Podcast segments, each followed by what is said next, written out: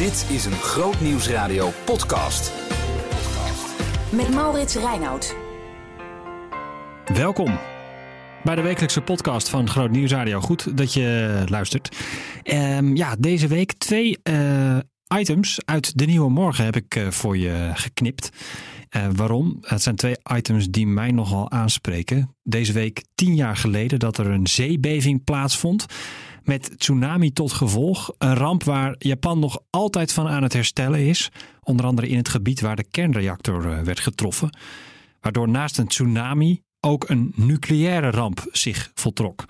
Ronald Koop sprak in de Nieuwe Morgen met een ooggetuige van de ramp. En dat hoor je straks. Maar ook, wat hebben orthodox christendom en rechtspopulistische politiek met elkaar te maken?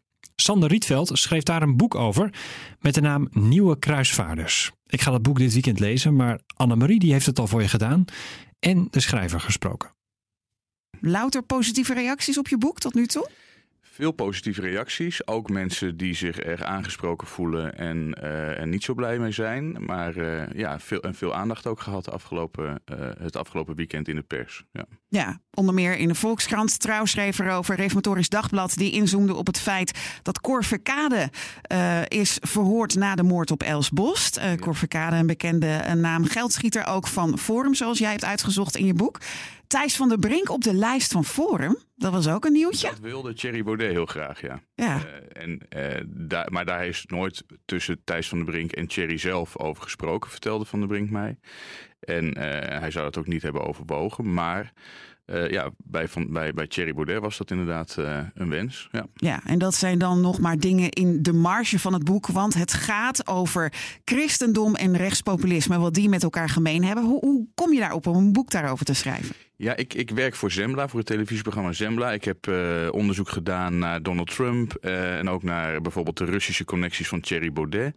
En uh, tijdens die onderzoeken kwam ik eigenlijk heel vaak allerlei ja, orthodoxe christenen tegen in de, in de entourage van die politici. En ik begon me af te vragen, hoe kan dat eigenlijk? Ook omdat ik zelf afkomstig ben uit een orthodox-protestants milieu. Ik ben opgegroeid in, laten we zeggen, in de, de, de rechterflank van, van de hervormde kerk. Um, en dus ik, ik kwam ook bekenden tegen. Uh, van vroeger, um, nou bijvoorbeeld Cor Verkade, waar ik les van heb gehad op de Evangelische Hogeschool. Um, en dat vond ik zo interessant. En ik wilde een antwoord vinden op de vraag: hoe kan het nou dat mensen die mijn geloof delen. Hè, ik ben weliswaar niet zo heel erg orthodox meer, maar ik, ik ben zeker nog wel christen. Hoe kan het nou dat die mensen achter deze politici aanlopen? En dat ben ik gaan uitzoeken. Want je zegt, ik ben zeker nog wel christen. In een boek zeg je, waar sommigen zijn afgehaakt, ben ik ergens op de rand blijven hangen. Waar is die rand voor jou? Kun je daar eens woorden aan geven? Ja, ik vind uh, het moeilijk om zeg maar, de orthodoxe standpunten die ik altijd heb meegekregen over wat is de Bijbel precies, wie is Jezus precies, om dat, uh, om dat heel erg duidelijk vast te pinnen. Maar het inspireert me heel erg en ik zou het ook absoluut niet willen missen. Het is meer dat ik niet zo, ja, dat ik het een beetje op de tast geloof. Dat, zo zou ik het willen zeggen. Oei, dat uh, vereist ook alweer wat uitleg. Maar misschien komen we daar later op, op de tast geloven. Uh, het boek uh, gaat over deze tijd, maar de titel verwijst naar, naar de kruisvaarders en de kruistochten van vroeger. Ja. Wat, wat is de link? Je ziet heel vaak in, uh, in rechtsradicale kring, um, zie je die, die kruisvaarders symboliek. Hè? Dus uh, in memes op social media en dergelijke. Um, Anders Breivik bijvoorbeeld kan je misschien nog herinneren, die zichzelf ook als kruisvaarder neerzet. Je zag ook kruisvaardersvlaggen bij Capitol Hill. Um, en uh, wat, wat de link eigenlijk is, um, die kruisvaarders waren bezig met de verovering van een christelijk rijk. Hè? Die wilden het christendom verspreiden als een soort politieke macht.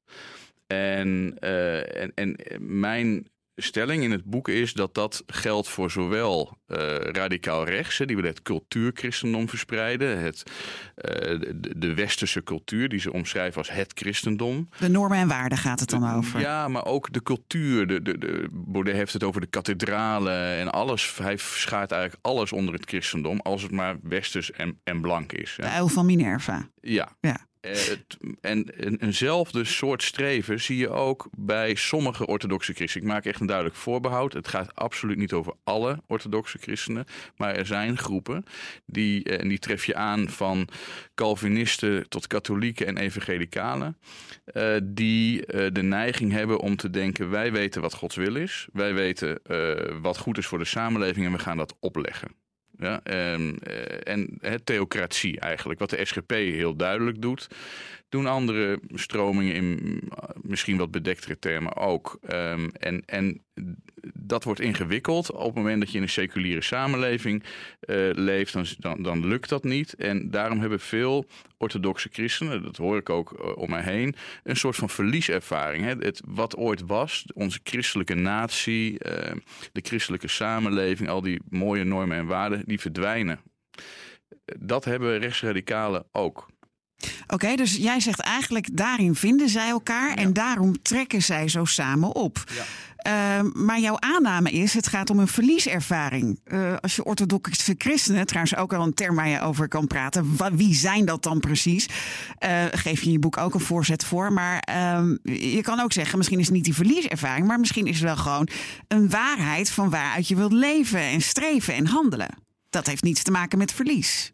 Nee, maar ik, ik, ik proef toch vaak een, een, een, ja, een soort van eh, gemis. Een, een, eh, eh, ooit was het beter dan dat het nu is. Hè? Dus er is een, een, een seculiere elite. Zo, ik ben zelf ook zo opgevoed. Ik, ik kan me nog heel goed herinneren in de jaren 70, 80...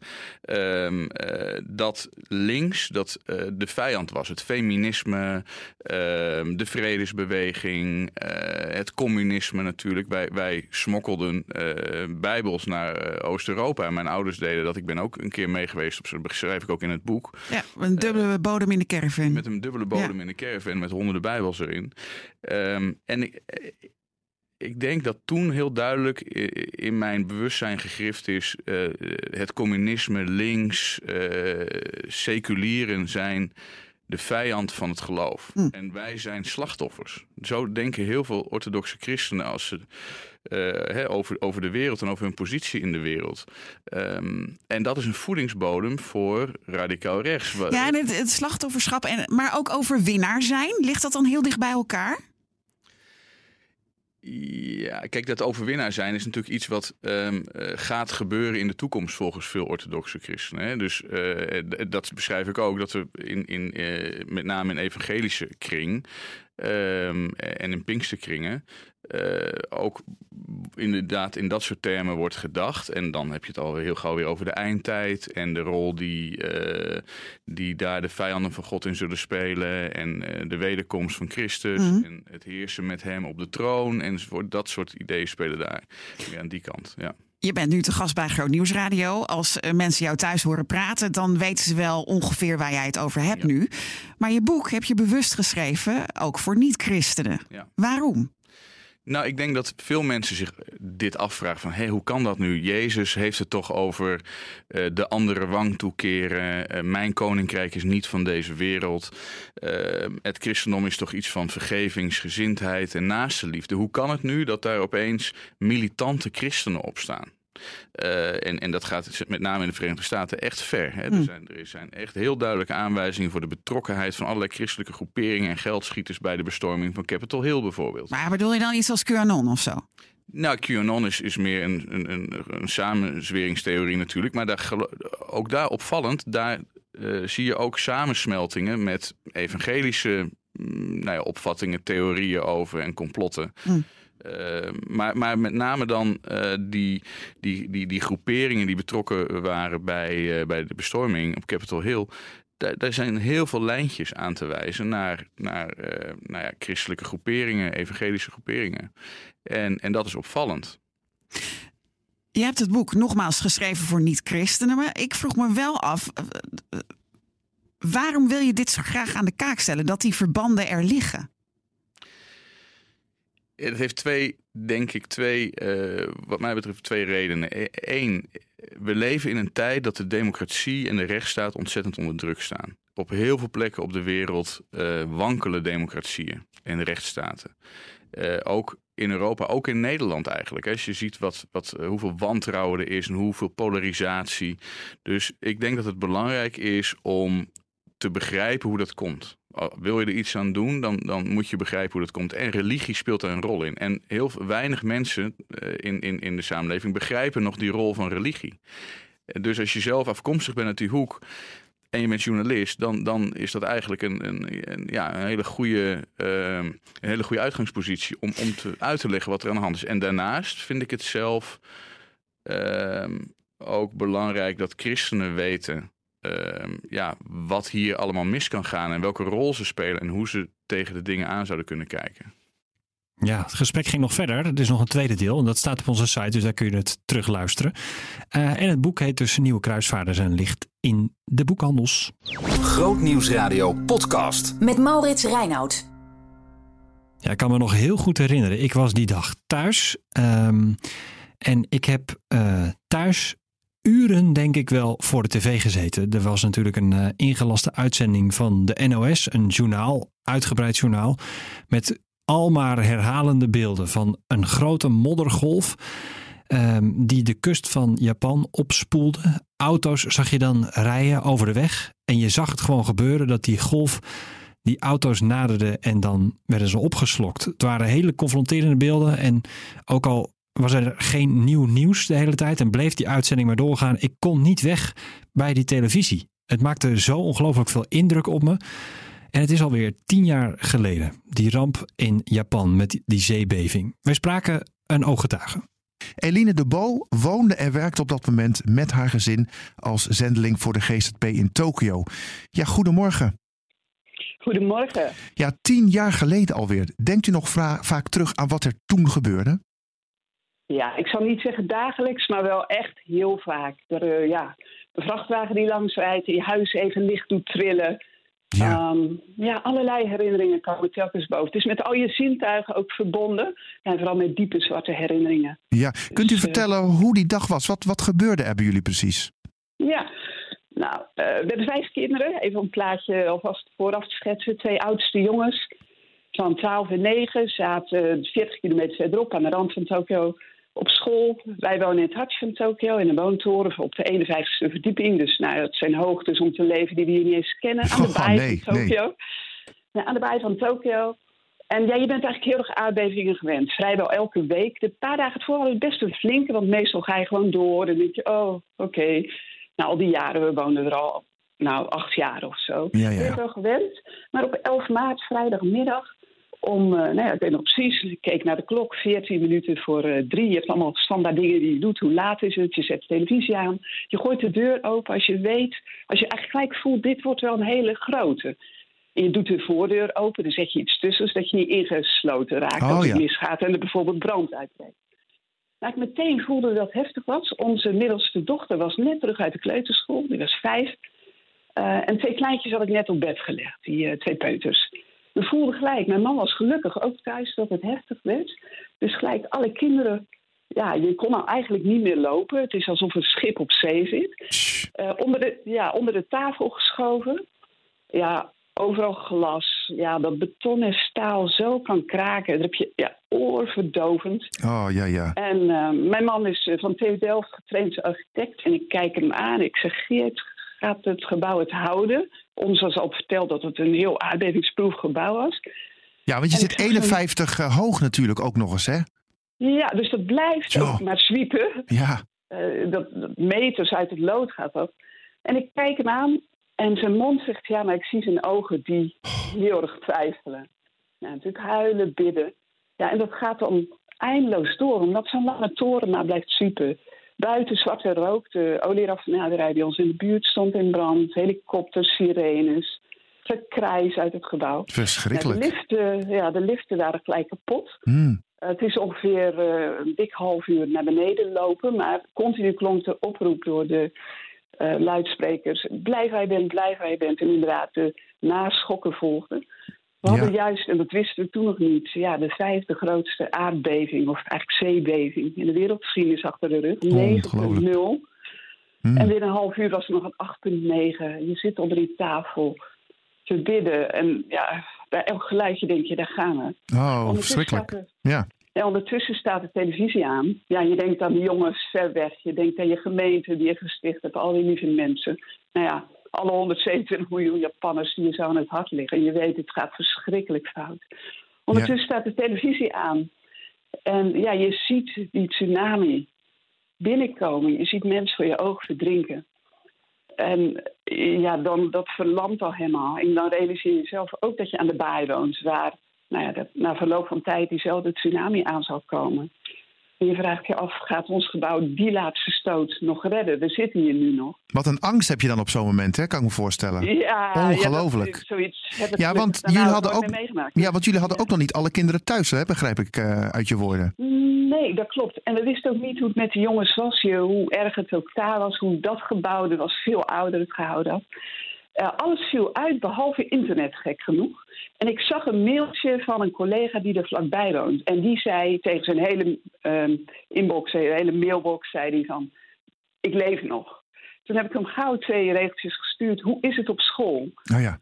Ehm, nou ja, toen is hij gaan kijken, dat duurde wel een uur. En toen mailde hij een paar woorden terug. Eh, ik weet niet hoe het precies is, maar ik heb gehoord dat iedereen in leven is. Wauw. Dus ja, dan, dan is er enige opluchting waar je nog geen idee hebt hoe het verder zou gaan. Want ja, dat gebouw blijft sliepen, je bent misselijk. Het is een soort zeeziekte. Je kan en mag nergens heen. En na een paar uur toch naar beneden al die trappen gelopen. En ja, de winkels waren al leeg. En ja, toen heeft het nog 24 uur geduurd voordat we de jongens in de armen konden sluiten Zo.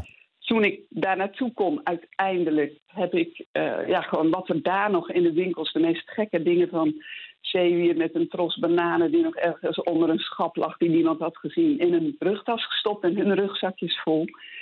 Want ja, er was geen voedsel meer. Och. Ja, toen hadden we nog geen idee dat een dag later die kernramp ook ons drinkwater zou vervuilen. En we elk ventilatierooster en raam dicht moesten gaan tapen vanwege de giftige lucht die, eh, die ook over Tokio trok. Ongelooflijk. Ja. drievoudige ramp waarbij bijna 20.000 mensen ook eh, het leven hebben gelaten. En nu nog 200.000 eh, niet eh, terug kunnen keren. Zo. En al tien jaar ergens rondzwerven in tijdelijke noodgebouwtjes. Ja. Dus Wat is, wat is de, de, de, de impact geweest op jullie gezin, ook later, zeg maar?